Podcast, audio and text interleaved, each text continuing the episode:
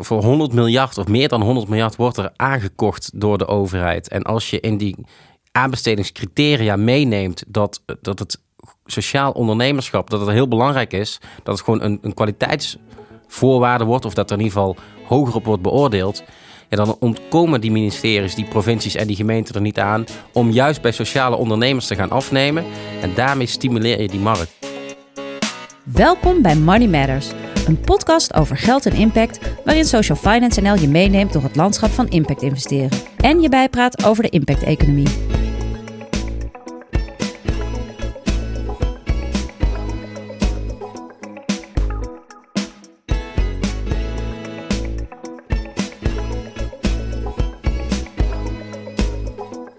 Hi en leuk dat je luistert naar Money Matters en welkom bij de eerste aflevering van onze speciale verkiezingenreeks.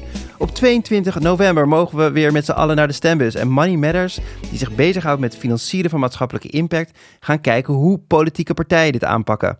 In deze reeks van vier afleveringen ga ik in gesprek met vertegenwoordigers van de grote politieke partijen over diverse onderwerpen die belangrijk zijn voor de impacteconomie.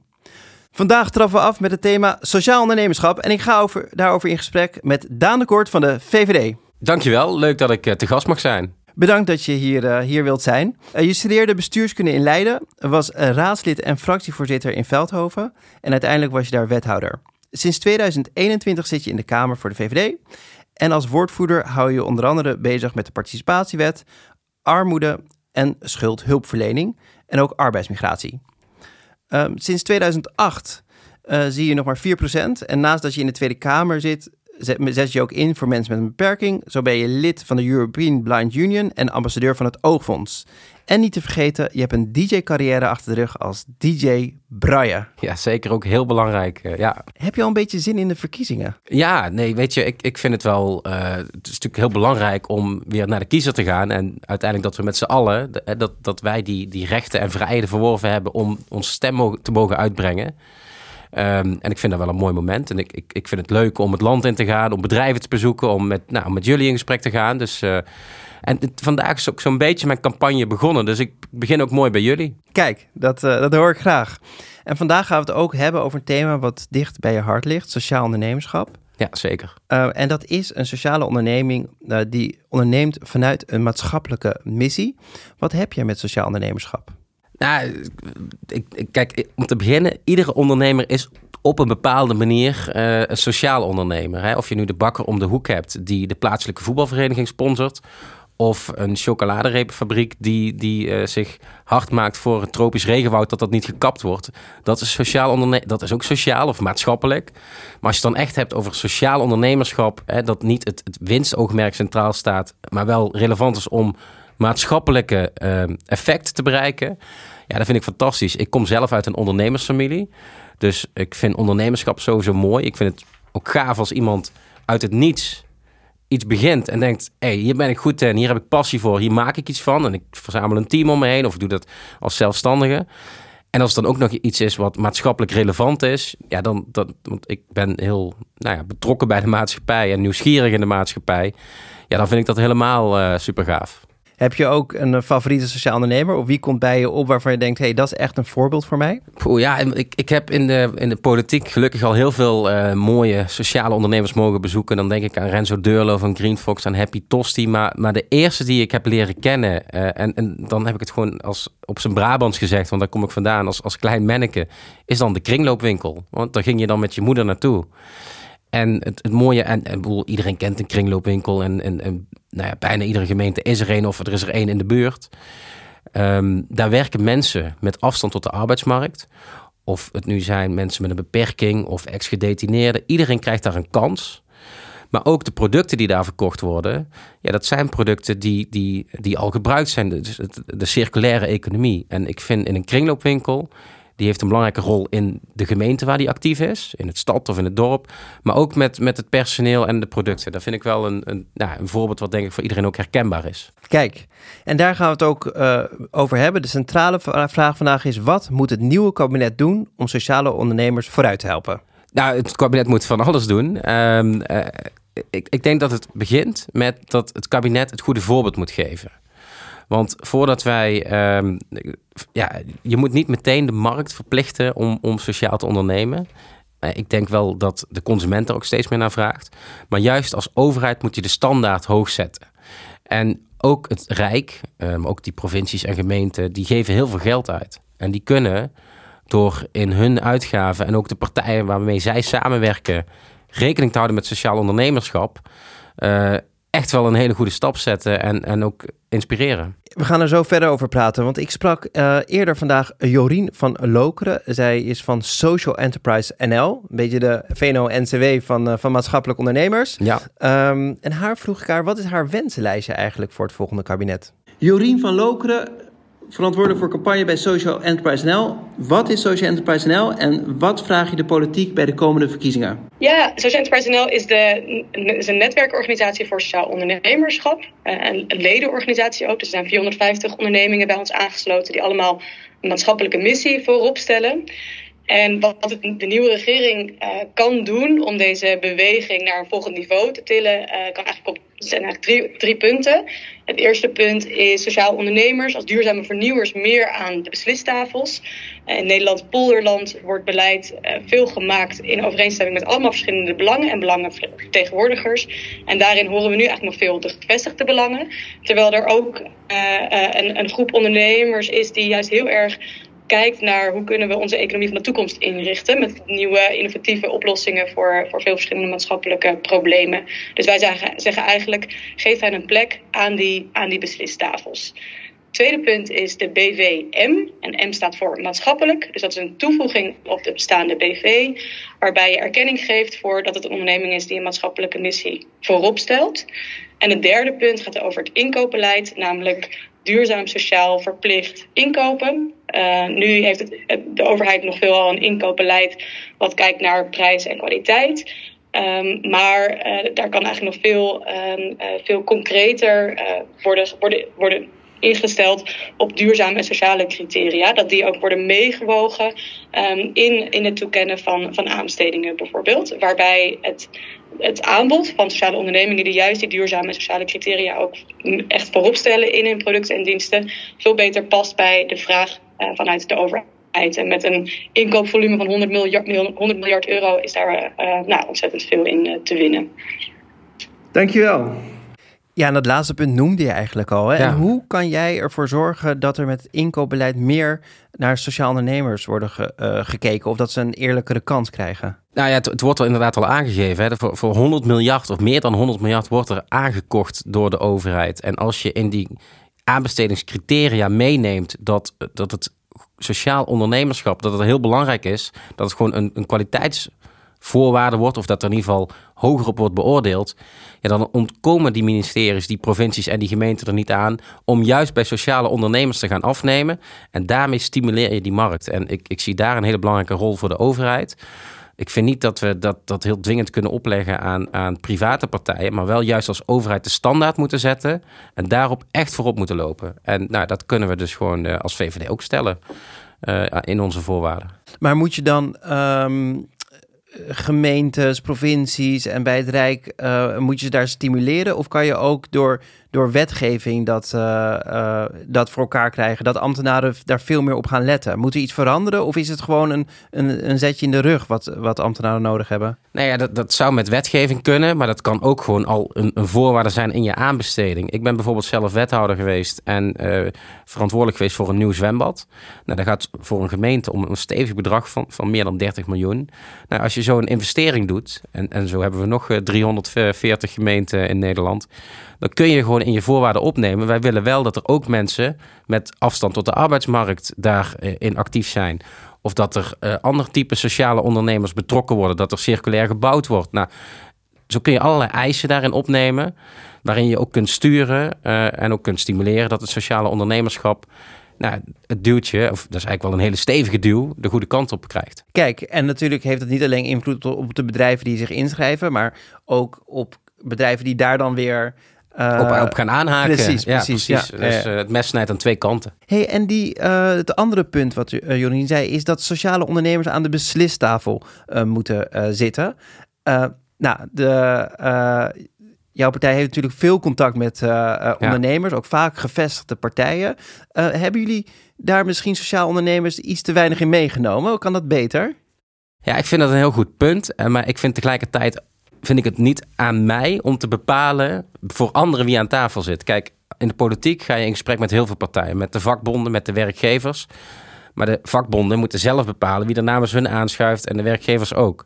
Wat ik wel doe in de contacten die ik heb met Jacco Vonhoff van MKB Nederland of de contacten met, met, met VNO-NCW, dat ik wel iedere keer benadruk hoe, hoe, hoe mijn visie is op sociaal ondernemerschap en hoe ik ook verwacht dat die steeds meer positie gaat krijgen in onze samenleving. En dan ontkomen ze er ook niet aan. Ik merk gelukkig wel dat, dat daar ook steeds meer het inzicht komt. Uh, hoe belangrijk uh, die partijen zijn, dat het ook echt een groeimarkt is en dat ze dus aan tafel horen. En het derde punt ging over die BVM. Ja. En je benoemde het in je introductie al, hè? die bakker om de hoek, die maakte ook impact. Die is ook belangrijk. Maar ik heb ook wel een hele uh, hè, een streepje voor hebben die ondernemers die echt vanuit de maatschappelijke impact ondernemen. Ja. En daarvoor is ook de BVM uh, uh, in het leven geroepen. Um, en uh, op dit moment is het kabinet heeft het voornemen of het demissionaire kabinet had het voornemen om die nieuwe rechtsvorm te introduceren. Nou, het is mhm. niet uh, controversieel verklaard, dus we wachten nog steeds dat in spanning. Het kabinet kan ermee aan de slag, ja. Kan ermee, kan ermee aan de slag. Doen ze ook overigens. Ja, kan je ons bijpraten? Hoe, wanneer kunnen we het verwachten? Nou, um, kijk, wat ik, wat ik al in het begin aangaf, kijk, iedere ondernemer maakt impact. Maar een sociaal ondernemer maakt ook nog meer maatschappelijke impact. Nou, daarvoor komt deze wet. Uh, ik denk ook dat dat belangrijk is. Nou, dat komt ook voort uit het coalitieakkoord, hè, wat ook wij als VVD gesteund hebben. Um, en wat ik heb begrepen, maar goed, dit is niet de wet waar ik me persoonlijk in de Kamer mee mhm. bezig hou. Uh, dat, dat, dat die heel ver is in de voorbereiding en dat die nou, binnen afzienbare tijd uh, dat die naar de Kamer kan komen. Dat die in consultatie, zoals dat heet, gaat. Waarop allerlei partijen erop kunnen reageren om die wet ook nog beter te maken. Dus nou, hij is niet controversieel verklaard. Dus ik denk dat hij, uh, nou, ik, ik, hoop toch wel dat hij begin volgend jaar naar de Kamer kan gaan. Of nog eerder. Want liever vandaag dan morgen. Wat um, uh, nou, binnen de VVD was er nog best wel wat, uh, waren nog best wel wat vraagtekens rond deze wet. Want el elke ondernemer is toch so sociaal, werd er ook genoemd. Heb je veel, veel evangeliewerk moeten verrichten binnen je partij om, om de handen op elkaar te krijgen hiervoor? Nou, kijk, wat ik aangaf is ook die bakker die, die de voetbalclub sponsort. En het is een makkelijk voorbeeld, maar het is wel heel concreet. Die heeft wel op zijn of haar gemeenschap, wijk veel invloed. En uh, waar het om gaat is, je, je moet opletten dat er geen grijs gebied ontstaat. Nou, je hebt de BV, maar je hebt ook een stichting. Ja, die, die sociaal ondernemer, die zit daar net tussenin. Dus het is wel belangrijk dat hij erkenning krijgt. Nou, dat gaat hij ook krijgen met deze wetten, dus die, die steunen wij ook. Um, maar dan moet je wel goed afbakenen tot waar dat gaat. Want het, je, je komt al snel in grijs gebied terecht. En, en dat is de zorg die, die vanuit ons uh, geuit is. Maar dat neemt niet weg. Er is behoefte vanuit een groep ondernemers. Nou, wij als ondernemerspartij willen dan ook in die behoefte voorzien. Dus de minister Adriaanse mag wel wat meer, uh, meer vaart maken? Nou, minister Adriaanse is al mee aan de slag. Ja. Is al vaart aan het maken. En uh, nou, nou, hoe eerder, hoe beter. Heel goed. In jullie partijprogramma staat dat er een MKB-bank uh, opgericht moet, uh, uh, moet worden. Waarom is dat belangrijk voor, voor MKB'ers? En zie je daar ook een, een extra uitdaging om, in, om sociaal ondernemers te financieren? Ja, ik, ik denk dat dat voor iedere MKB'er belangrijk is, maar misschien juist wel voor, voor sociale ondernemers. Want het wordt steeds moeilijker voor het MKB bij, bij de tussen aanhalingstekens reguliere banken financiering rond te krijgen. Banken zijn steeds terughoudender geworden de afgelopen jaren. Um, en uh, dan is het ook moeilijk om je business case rond te krijgen. Terwijl het juist voor die sociaal ondernemer, zeker in het begin, de eerste jaren, nog moeilijker is om je business case rond te krijgen. Omdat je niet alleen dat winstoogmerk hebt, maar juist dat maatschappelijke effect wilt bewerkstelligen. Nou, juist daarvoor kan zo'n MKB-bank helpen. Want als een sociaal ondernemer uh, de eerste jaren het moeilijker heeft, uiteindelijk gaat renderen. Nou, zo'n MKB-bank, daar kan die eerder financiering rondkrijgen. Kunnen we nog meer maatschappelijke impact maken. Ook in het Verenigd Koninkrijk heb je al zo'n vorm, een MKB-bank. Dus daar, die, die heeft ons geïnspireerd om dit in ons programma op te nemen. En ik denk dat het juist die maatschappelijk ondernemer helpt om... om nou, de, de reguliere MKB'er heeft het al moeilijk. En de sociale ondernemer helaas vaak nog iets moeilijker. Nou, die kunnen we dan juist helpen hiermee. En ehm, ik denk, ik denk dat dat, dat, dat uh, goed is voor ons allemaal. En denk je ook, hè, want die MKB-bank zal dan een deel uh, opnemen, maar kunnen banken zelf nu ook uh, meer doen? Vind je dat die, dat die tekort komen in het financieren van sociaal ondernemers? Ja, ik denk dat banken daar wel meer in kunnen doen. En ik denk ook dat, dat de tijdsgeest daarnaar vraagt. Want um, kijk, ik, ik ben zelf een millennial. Ik ben het jongste Kamerlid in onze fractie. En ik zie dat generatiegenoten van mij, en zeker de generatie die daarna komt, generatie Z, die eist ook steeds meer maatschappelijke impact. Die kijkt daar ook veel meer naar dan, met alle respect, de consument van, van 60 plus. Mm even, even heel generaliserend. Op het moment dat de consument die kant op beweegt en zich ook zorgen maakt van waar komt dit product vandaan? Wat, wat doet dat bedrijf maatschappelijk? Uh, dan, dan gaat de markt ook die kant op. Dus ik denk dat de consument het al deels afdwingt en dat de banken dan zullen volgen. En het zou eigenlijk beter zijn als de banken niet volgend zouden zijn, maar ook zouden inzien. Uh, en dat kan wellicht wat beter. Uh, ja, hoe relevant het sociaal ondernemerschap is. En zouden niet eigenlijk de volgende, zeg maar, op, op groen hebben banken natuurlijk heel veel uh, uh, ontwikkelingen doorgemaakt. Dus er zijn allerlei richtlijnen vanuit Europa, de taxonomie. Ehm, je moet rapporteren daarop. maar eigenlijk op sociaal nog veel minder. Zou dat niet de volgende stap moeten zijn voor banken? Ja, alleen waar ik dan terughoudend in ben, is dat je. Uh, we kunnen niet alles in, in, in richtlijnen en extra bureaucratie en regulering vastleggen. Dus ik denk dat je stevige kaders moet hebben. Uh, dus ik, ik, ik pleit eigenlijk over het algemeen voor minder regels. Maar de regels die er zijn, die moeten we dan ook wel streng handhaven. Nou ja, en als je gewoon strakke regels hebt en het niet heel bureaucratisch maakt, maar van sociaal ondernemerschap is relevant. Kijk naar de maatschappelijke effecten. Toets daarop. Maar dan moet je het ook wel daarbij laten en, en niet nog groter en meer maken dan dat. En sociaal ondernemerschap is heel uh, breed. Het kan gaan over duurzame dingen, de, de keten. Maar ja. um, heel veel Nederlandse bedrijven uh, helpen toch mensen aan een baan met, met de afstand tot de arbeidsmarkt. En dat is ook, het zit ja. in jouw porte, portefeuille. Zeker, ja. Zie jij dat bijvoorbeeld mensen met een uh, visuele beperking, zie je eigenlijk dat ondanks de krappe arbeidsmarkt nog heel veel talenten op de bank zitten? Ja. Um, veel hoe, te veel. Veel te veel. Hoe kunnen bedrijven, en misschien in het bijzonder sociaal ondernemers, meer doen om, om hun erbij te betrekken? Ja. Of is daar een rol voor de overheid? Nou, ik denk dat er een rol ligt voor de overheid. Misschien wel de, de grootste. Sociaal ondernemers die doen, doen dat over het algemeen al. Want die, die willen juist die maatschappelijke impact mm -hmm. maken. Maar er, ligt een rol voor de doelgroep zelf, voor de overheid uh, en voor de ondernemers. Nou, als ik dan kijk naar de ondernemers. Veel te veel ondernemers. En dan heb ik het over het algemeen niet over de sociaal ondernemers. Maar de ondernemers, tussen aanhalingstekens weer de, reguliere ondernemers, hebben te vaak nog koud watervrees om iemand met een beperking aan te nemen. Nou, we hadden het net over een visuele beperking. Onder die groep is de arbeidsparticipatie onder de 30%, de laagste van allemaal. Terwijl um, die vaak hele andere talenten hebben die je goed kan inzetten.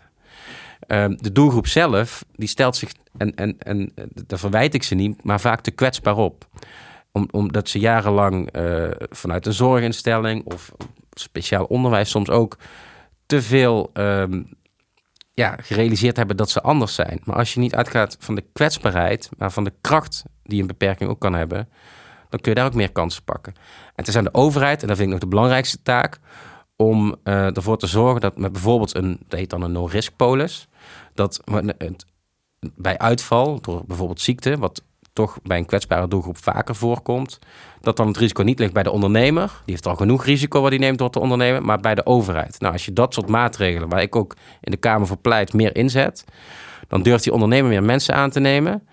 Dan wordt het voor die groep makkelijker om een baan te vinden en durven ze ook meer vanuit hun kracht te denken. Want de beste IT-programmeur, en dat, dat voorbeeld heb ik vaker aangehaald, ja, die heeft op zijn minst een lichte vorm van autisme.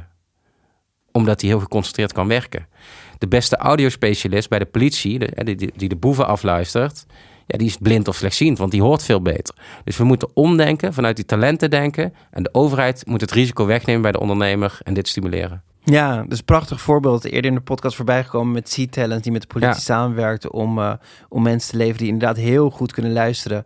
Um, ja.